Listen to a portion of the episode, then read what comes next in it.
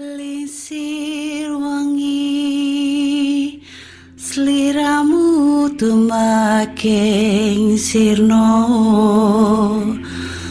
Ojo tangingkan muguling Awas jok ngetoro. Aku lagi bang wingo wingo. Jin setan tak Dudu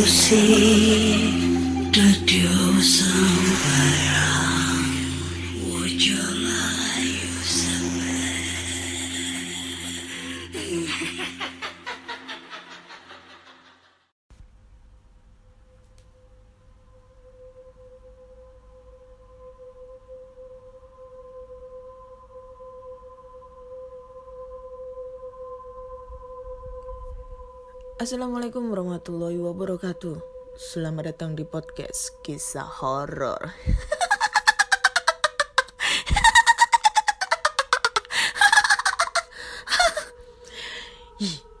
Balik lagi kan ketawaku karena kemarin sempet banyak banget yang protes ketawanya mana ketawanya mana kangen sama ketawanya. Ketemu lagi dengan aku Ana di sini akan membacakan cerita horor ataupun email berhantu yang sudah dikirimkan teman-teman melalui podcast kisah horor at gmail.com ataupun di DM Instagram podcast kisah horor, DM Instagram Ana Olive serta Google Form yang linknya tersedia di bio Instagram podcast kisah horor. Jumpa lagi di episode 92 dan hari ini hari Jumat dini hari tanggal 7 Mei 2021 nggak kerasa kurang lima hari lagi ya eh puasa kita akan selesai dan menyambut hari kemenangan hari Idul Fitri. Wah nggak sabar banget ya. Gimana di daerah kalian? Udah mulai penyekatan apa belum? Eh, udah pada mudik apa belum? Terus pas mudik ada yang disuruh balik nggak? Kalau di Surabaya sekarang hmm, udah mulai penyekatan mulai dari semalam kemarin malam ya kayaknya ya. atau mungkin tadi malam terus ada lagi pas waktu pulang kerja itu kan kebetulan tempat kerjaku itu deket sama perbatasan Surabaya sama Madura tuh eh, jembatan Suramadu nah tadi pas pulang kerja tuh macet sangat karena kebanyakan eh, warga Madura itu yang dari Surabaya, dari luar kota, dari mana pun itu pada mudik ke Surab eh, ke Madura, ngelewatin jembatan, nggak taunya udah ditutup dong jembatan Suramadu. Jadi eh, yang mau pulang ke Madura pada nggak bisa, makanya menjadi ngantri gitu ya di mana di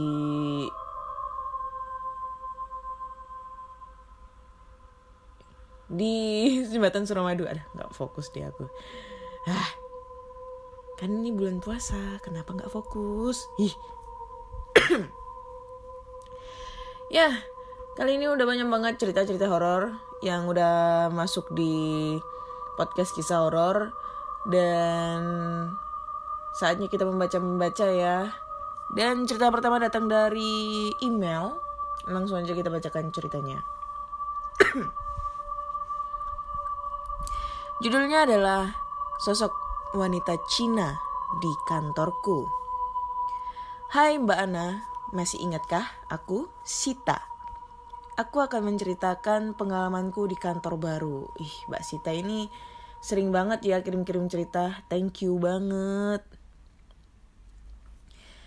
Tepat pada bulan Februari lalu, di mana aku baru saja diterima bekerja di kantor baruku yang ada di daerah Tangerang. Pertama kali aku menginjakan kakiku di kantor tersebut, aku sudah merasakan hal yang aneh. Baru saja aku memasuki ruang HRD, aku bisa mencium bau yang sangat menyengat dan sangat tidak enak di penciumanku. Awalnya aku tidak curiga. Aku hanya berpikir mungkin bau ruangan yang pengap. Beberapa saat kemudian, ketika aku sudah menyelesaikan beberapa dokumen kontrak perusahaan, staf personalia mengantarku untuk ke ruanganku. masih belum ada yang ganjil saat itu. Hanya saja, bau yang tidak sedap dari awal aku datang hingga aku pulang pada hari itu. Beberapa hari kemudian, tepat hari Kamis malam Jumat. Sore itu hujan begitu lebat, sekitar pukul 4 sore. Kebetulan, saat itu divisiku beberapa hari masih WFH dan sedikit sepi pada hari itu. Aku dan temanku masih di ruangan sibuk dengan kerjaan. desain yang eh, desain kita yang sedang deadline. Tidak lama aku ingin buang air kecil dengan sedikit berlari kecil aku menuju kamar mandi. Oh ya, ruanganku lantai tiga dan ruanganku saling berhadapan dengan ruangan sales.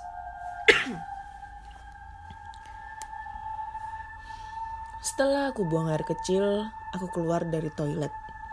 Seperti biasa, aku harus melihat ruang sales yang sedikit terbuka. Mataku terperanjat, aku diam terpana melihat wanita menggunakan pakaian Cina berwarna merah, berambut panjang, berwajah pucat, menunduk menghadap ke bawah sambil melirik ke arahku sedikit, lalu tersenyum dingin. Spontan, Aku berlari kecil dan menarik nafas panjang ke ruanganku. Anehnya, wanita ini muncul dan menampakkan diri padaku hanya di hari Kamis sore saja. Tepat di Kamis sore berikutnya, seperti biasa, aku paling sering ke kamar kecil. Karena aku tidak kuat hawa dingin dan kebetulan senang minum air putih di kantor. Ketika aku ke kamar kecil, Kebetulan toilet kantorku dekat tangga lantai 4 dan yang konon katanya lantai 4 sedikit angker. Lagi-lagi, aku tidak peduli itu.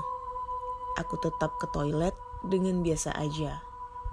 Namun, astaga, ketika aku keluar dari pintu toilet, ya Tuhan, wanita itu ada di hadapanku dengan wajah pucat oriental, menunduk ke bawah dan tersenyum lebar hingga hampir menyentuh telinganya. Ya Tuhan, aku terperanjat gemetar, aku hanya menutup mataku dan berdoa agar dia pergi.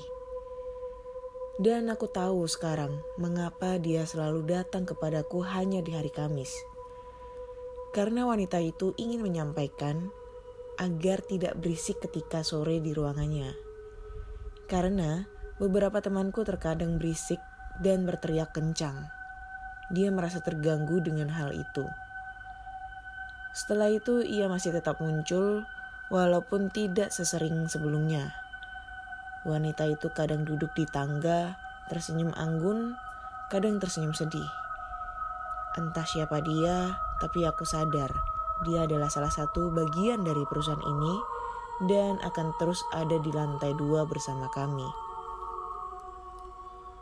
Sudah Mbak Ana segitu dulu. Semoga cerita ini memberikan kesan moral yang baik untuk saling menghargai satu sama lain. Walaupun dari dunia berbeda, karena hal gaib juga perlu dihormati seperti kita. Maaf jika ada kalimat yang tidak berkenan dan ceritanya kurang seram. Thanks Mbak Ana, sehat selalu. Regrets me, Sita. Thank you Kak Sita.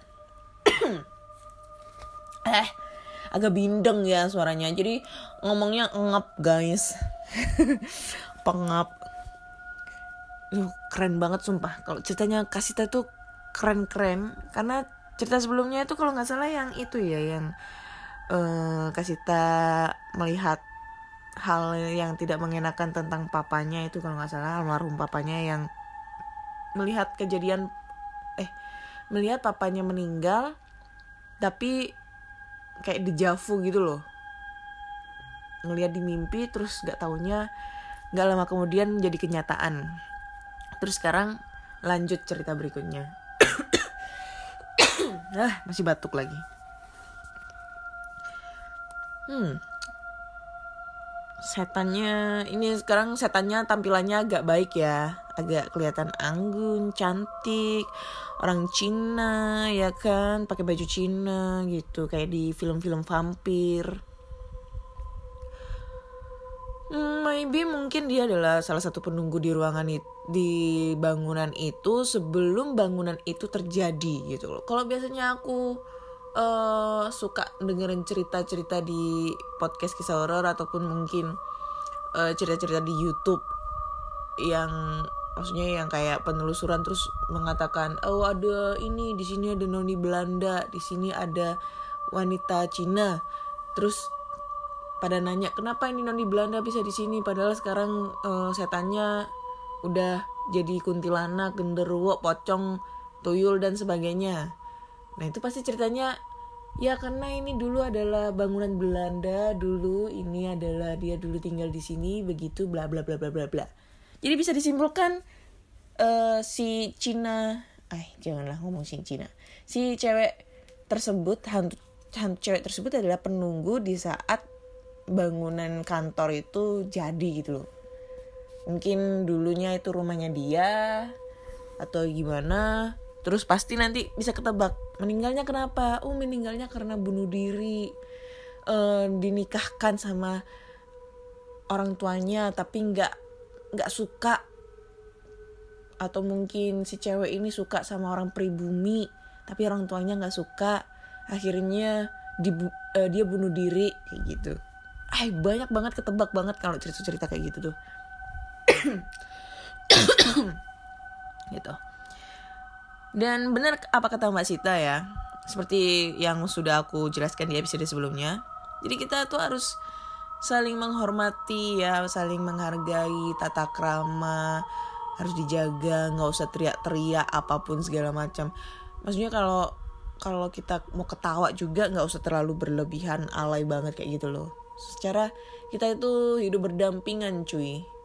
Ya kan? Hidup berdampingan. Ma, uh, Allah Tuhan menciptakan kita itu saling berdampingan. Bukan berdampingan sama manusia melainkan sama jin sama makhluk hidup yang lainnya seperti hewan tumbuhan dan lain-lain begitu loh. Jadi ya walaupun kita saling menghargai sesama manusia ya kita juga harus saling menghargai sama penunggu-penunggu syaiton di rejim di sana ya.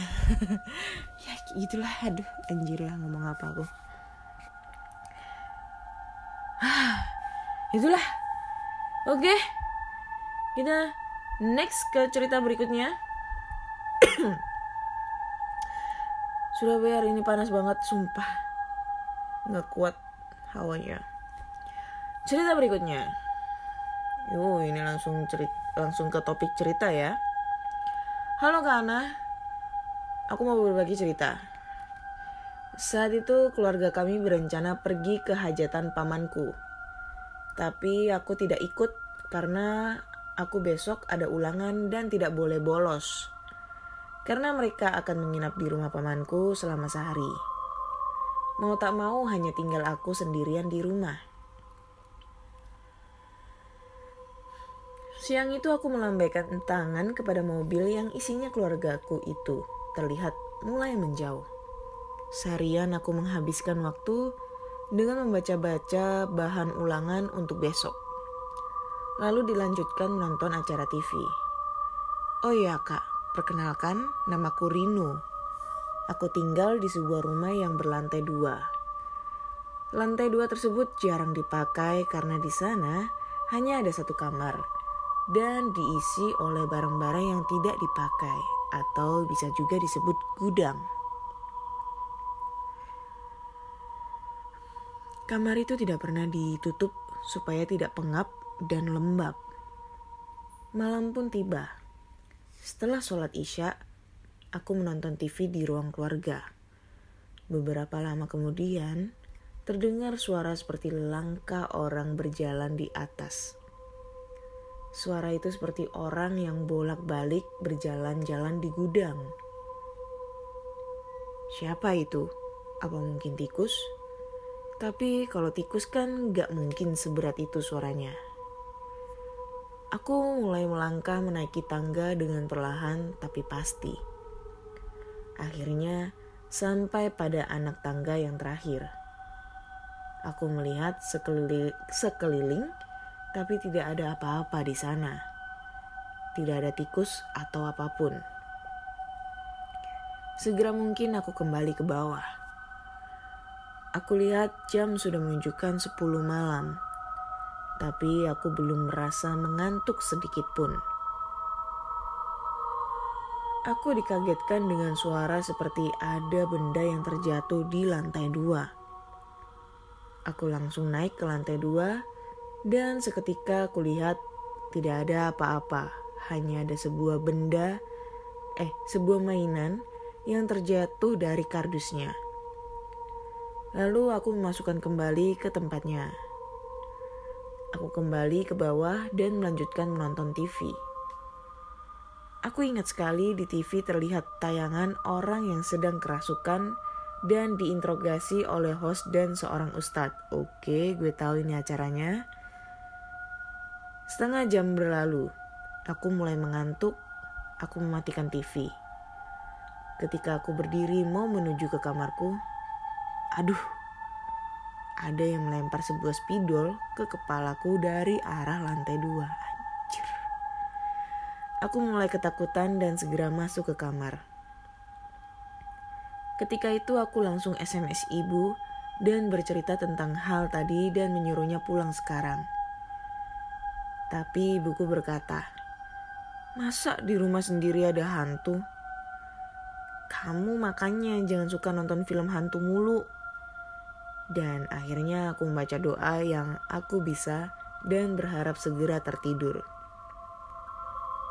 Belum sempat aku menutup mata terdengar suara pintu kamarku seperti ada yang membukanya. Aku langsung bersembunyi di balik selimut dan berkata, "Pergi, jangan ganggu aku." Aku gak pernah ganggu kamu ya.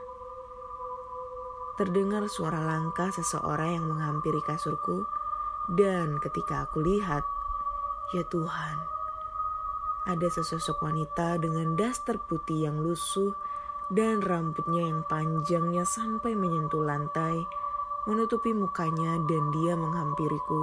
Anjir. Serta duduk di kasurku lalu lanjut memegang kakiku. Anjay. Kurasakan tangannya yang dingin menembus selimutku. Dan ketika aku lihat tangannya hitam, kasar seperti borok. Aku menendangnya, tapi tidak bereaksi apa-apa padanya. Lalu aku berlari keluar dan ah, aku menginjak karpet dan terpleset serta kepalaku terbentur meja kecil. Esoknya aku terbangun. Kulihat ada orang ada orang-orang yang tak asing lagi bagiku. Ya, mereka adalah keluargaku. Di mana aku? Tanya aku pada ibuku. Kamu di rumah sakit. Jawab ibu lalu memeluk erat sambil menangis. Oh, beda salah salah. Kamu di rumah sakit. Kan sedih guys, sedih-sedih. Terus mana nih? Oh ini.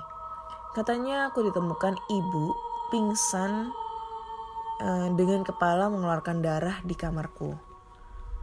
Keluargaku pulang lebih cepat karena khawatir dengan SMS dan telepon mereka yang tidak dibalas dan diangkat. Lalu aku menceritakan semuanya pada mereka apa yang baru saja menimpaku. Dua hari aku habiskan waktu di rumah sakit, lalu aku dibolehkan pulang oleh dokter. Ketika sampai di rumah, ibu langsung memanggil seorang ustadz yang juga adalah tetangga. Setelah didoakan dan melakukan pengusiran hantu, lalu ia menjelaskan kepada kami kalau di gudang itu ada penunggunya. Dia adalah jin dari luar yang sedang mencari tempat tinggal baru karena tempat lamanya telah dijadikan rumah oleh seseorang. Tetapi sekarang katanya sudah diusir dan rumahku sudah aman dari gangguan makhluk halus. Oh, fix ini lumayan serem ceritanya anjir lah gak bisa ngebayangin ya. Kayak berasa di film cuy. Jeduk ke kena mejo langsung ngocor darahe bercucuran darah bareng semaput pingsan tangi. Aku di mana? Gitu kan. Kamu di rumah sakit? Gitu kan. Wih, gila. Kayak adegan di film. Persis di film tapi ya anyway mau percaya nggak percaya tetap ini ceritanya serem. Gue nggak bisa ngebayangin uh, kalau misalnya itu terjadi sama uh, terjadi sama aku ya. Secara aku tuh udah sering uh, terjadi gangguan-gangguan yang ada di rumahku yang di atas ini lantai dua. Karena aku di lantai dua ini tinggal eh, maksudnya di lantai dua itu yang nempatin aku doang ya. Karena kamarku di pojok terus tengah itu adalah tengah itu kayak kayak model ruang tamu gitu kan. Tapi dipakai buat naruh lemari pakaian gitu kan. Otomatis kan kosong. Dan di sebelah tangga itu adalah gudang. Dan di, di area situ yang biasanya uh, banyak ke uh, apa ya yang sering aku dapat gangguan-gangguan suara-suara gitu loh. Karena area situ agak lumayan kotor sih gudang ya walaupun gudangnya terbuka tapi kan aku jarang banget nginjek kakiku di situ kalau kalau nggak hal tertentu gitu. Ya itu karena memang kebanyakan itu makhluk halus itu atau saiton itu kan sukanya yang tempat-tempat yang lembab kotor terus bau apa nih rek? Enak banget sumpah. Terus habis itu eh, nggak berpenghuni gitu loh karena rumahnya si siapa tadi namanya? Anjay lupa. Si Rino ini kan emang yang ditempatin tuh yang ditempatin kan di bawah di atas itu kan nggak dipakai. Otomatis kan suasananya kan jadi horor karena jarang banget orang ke atas. Jarang di apa ya jarang dikunjungin lah. Jadinya uh, jadi sasaran empuk buat mereka mereka buat dijadikan persinggahan buat para makhluk halus kayak gitu kan. Terus nggak bisa ngebayangin dong pegang dingin banget tangannya anjay. Pas dilihat ancuk hitam borokan ah. Gak bisa dibayangin cuy. Sumpah serem banget. Serem. Oh ya aku mau sedikit cerita nih ya. Intermezzo dulu. Jadi kemarin-kemarin itu aku dapat sedikit mendapat gangguan dari makhluk halus. Entah nggak tahu ya ini mungkin aku halu atau mungkin beneran gak tahu jadi kejadiannya itu uh, kemarin lusa. Aku kerja. Kan aku kan kerja kan di salah satu sekolah SMK swasta gitu di Surabaya. Dan kebetulan itu kan uh, gedung sekolahnya itu lumayan angker itu loh. Soalnya dari cerita-cerita dari guru-guru sebelum aku masuk situ itu sering terjadi hal-hal di luar nalar gitu. Maksudnya banyak banget gangguan-gangguan makhluk halus gitu loh waktu itu Nah, kebetulan ruanganku itu agak sedikit horor dan di dalam ruangan satu ruangan itu tuh sama aku sama TU-ku gitu kan. Nah, kebetulan TU-ku ini lagi mudik nih, mudik ke Malang. Jadinya aku menempatin ruangan itu itu sendiri. Nah, kan ruangannya itu kan uh, apa ya? Kayak ruangannya kecil, terus agak sedikit uh, apa ya ibaratnya penuh gitu loh. Karena banyak rapotnya anak-anak ada PC terus habis itu lemari-lemari besi lemari-lemari buat uh, ini kegiatan-kegiatan sekolah kayak gitu kan. Nah rasa horor dong karena nggak ada temennya. Akhirnya aku ke ruangan tengah kumpul sama guru-guru lainnya. Tapi posisinya aku duduk di depan pintu ruanganku gitu. Pada saat itu pintu ruanganku itu ketutup agak ketutup gitu loh. Jadi ya ketutup tapi agak kebuka gitu lah. Ya kebukanya itu cuma berapa sih? Seperempat gitu loh. Nah pas lagi ngobrol-ngobrol mainan laptop ekor mataku itu kayak ngeli kayak nangkep sekelebat bayangan. Zet gitu. Cepet banget. Dari uh, arah meja TU ku ke nabrak ke lemari besi di depannya gitu langsung aku buka dong. Langsung aku buka terus aku cerita sama guru-guru. Ah, guru-guru pada takut semua kan. Posisinya itu sore siang lah. Jam-jam 2 lah kayak gitu. Ya terus aku mikir ah mungkin aku halu kali ya halu gitu. Nah terus ada salah satu guru itu eh duduk di mejaku. Ya udah aku ikutan duduk. Masuk ke dalam dong masuk ke dalam ruanganku karena aku juga harus menyelesaikan pekerjaanku di sana. Yang tadinya aku kerjakan di luar aku kerja mau kerjakan ke, ke dalam karena ada perlunya. Soalnya kan waktu itu aku nggak berani tuh ke dalam sendirian. Ya udahlah mumpung ada temennya gitu kan. Dah. Terus dia keluar mau wudhu gitu loh mau sholat asar. Uh, akunya masih mainan eh, mainan eh masih ngerjakan tugas gitu ngetik ngetik ngetik ngetik di depan PC aku.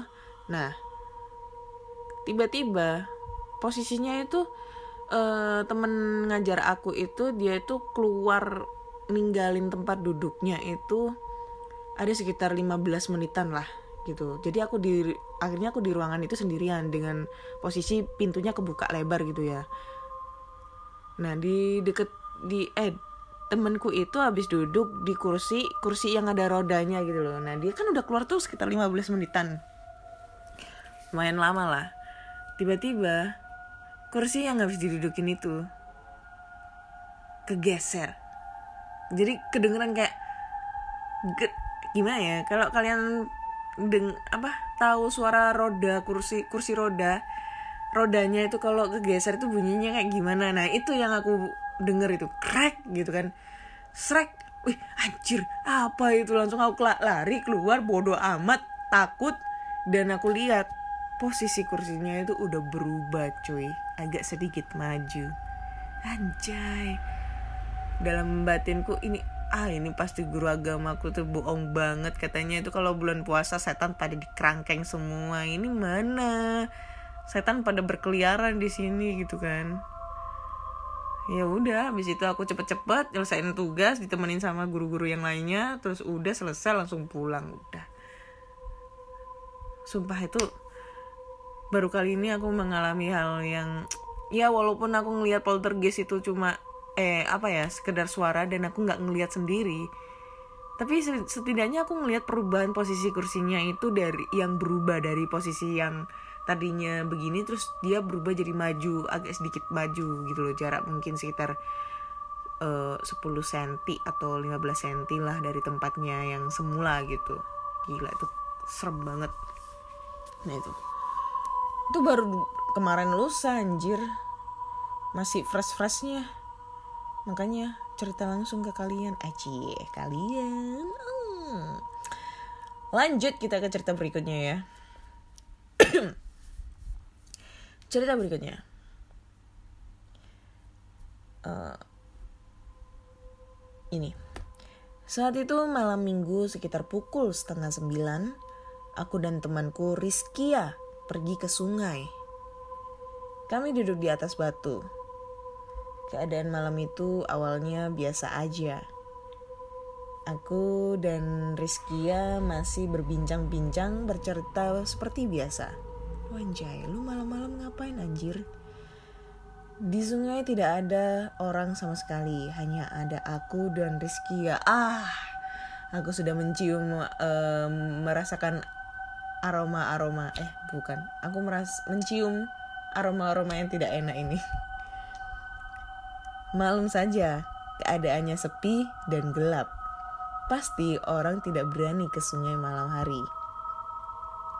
Berbeda dengan orang-orang, aku dan Rizkia malah sering main di sungai malam hari. Oh, perempuan. Oke, oke. Meskipun kami perempuan, tapi kami tidak takut karena selama ini kami tidak pernah merasakan gangguan apa pun.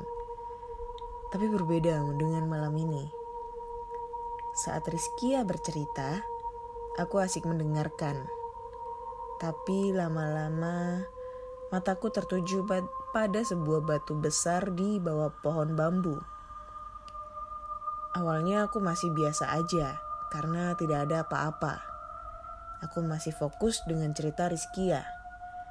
Tapi lama-lama aku merasa tidak nyaman karena aku merasa ada yang memperhatikanku.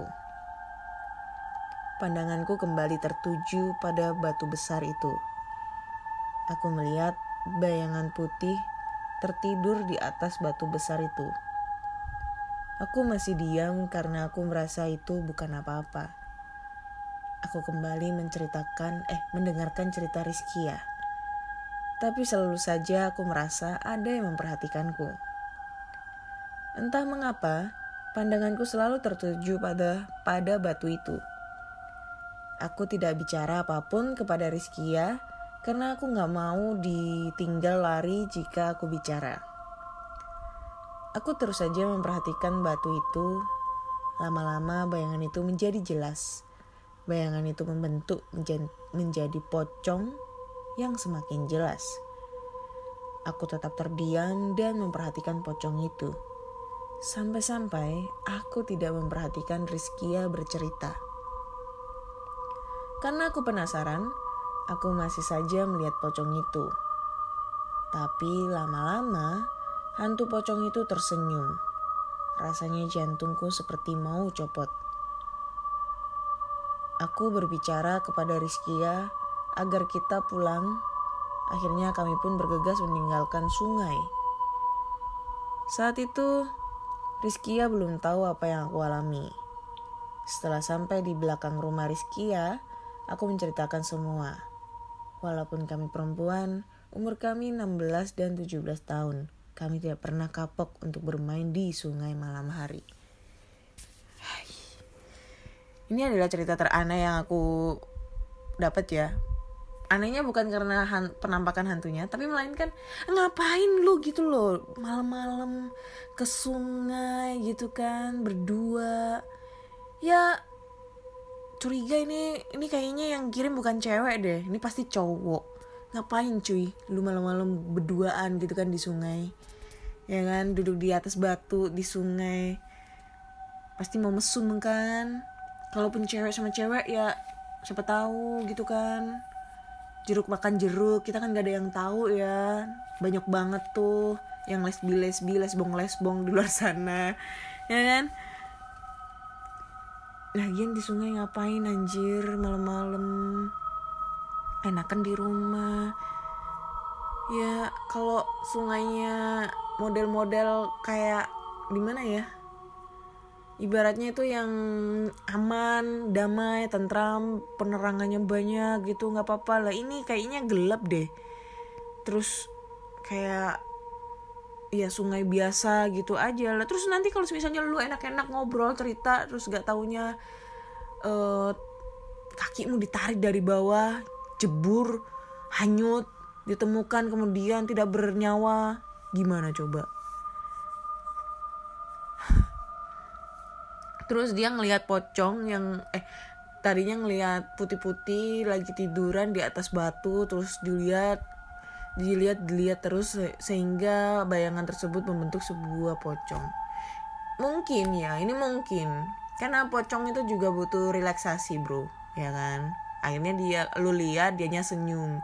Senyumnya itu senyum bahagia gitu loh. Karena dia itu uh, butuh refreshing gitu kan. Makanya pocongnya tidur di atas batu. Kalau kalian pernah ngelihat kayak film-film gitu kan tidur di atas batu apa tidur di taman gitu kan sebuah taman di malam hari sambil ngeliat bintang jatuh bulan purnama. Ih indah banget. Nah itu yang dirasakan sama si pocong itu cuy. Pocong itu butuh butuh refreshing butuh uh, relaksasi gitu kan. Dia jenuh dengan kehidupannya yang selalu menakut-nakuti manusia. Dia capek dengan kondisinya yang selalu tangannya diikat eh, lompat-lompat. Dia capek. Dia butuh ketenangan. Makanya dia tuh uh, menenangkan diri dengan cara tiduran di atas batu di pinggir sungai mendengarkan uh, derasnya aliran air sungai lalu melihat bintang, bulan, terus tiba-tiba dia ngelihat bintang jatuh, make a wish.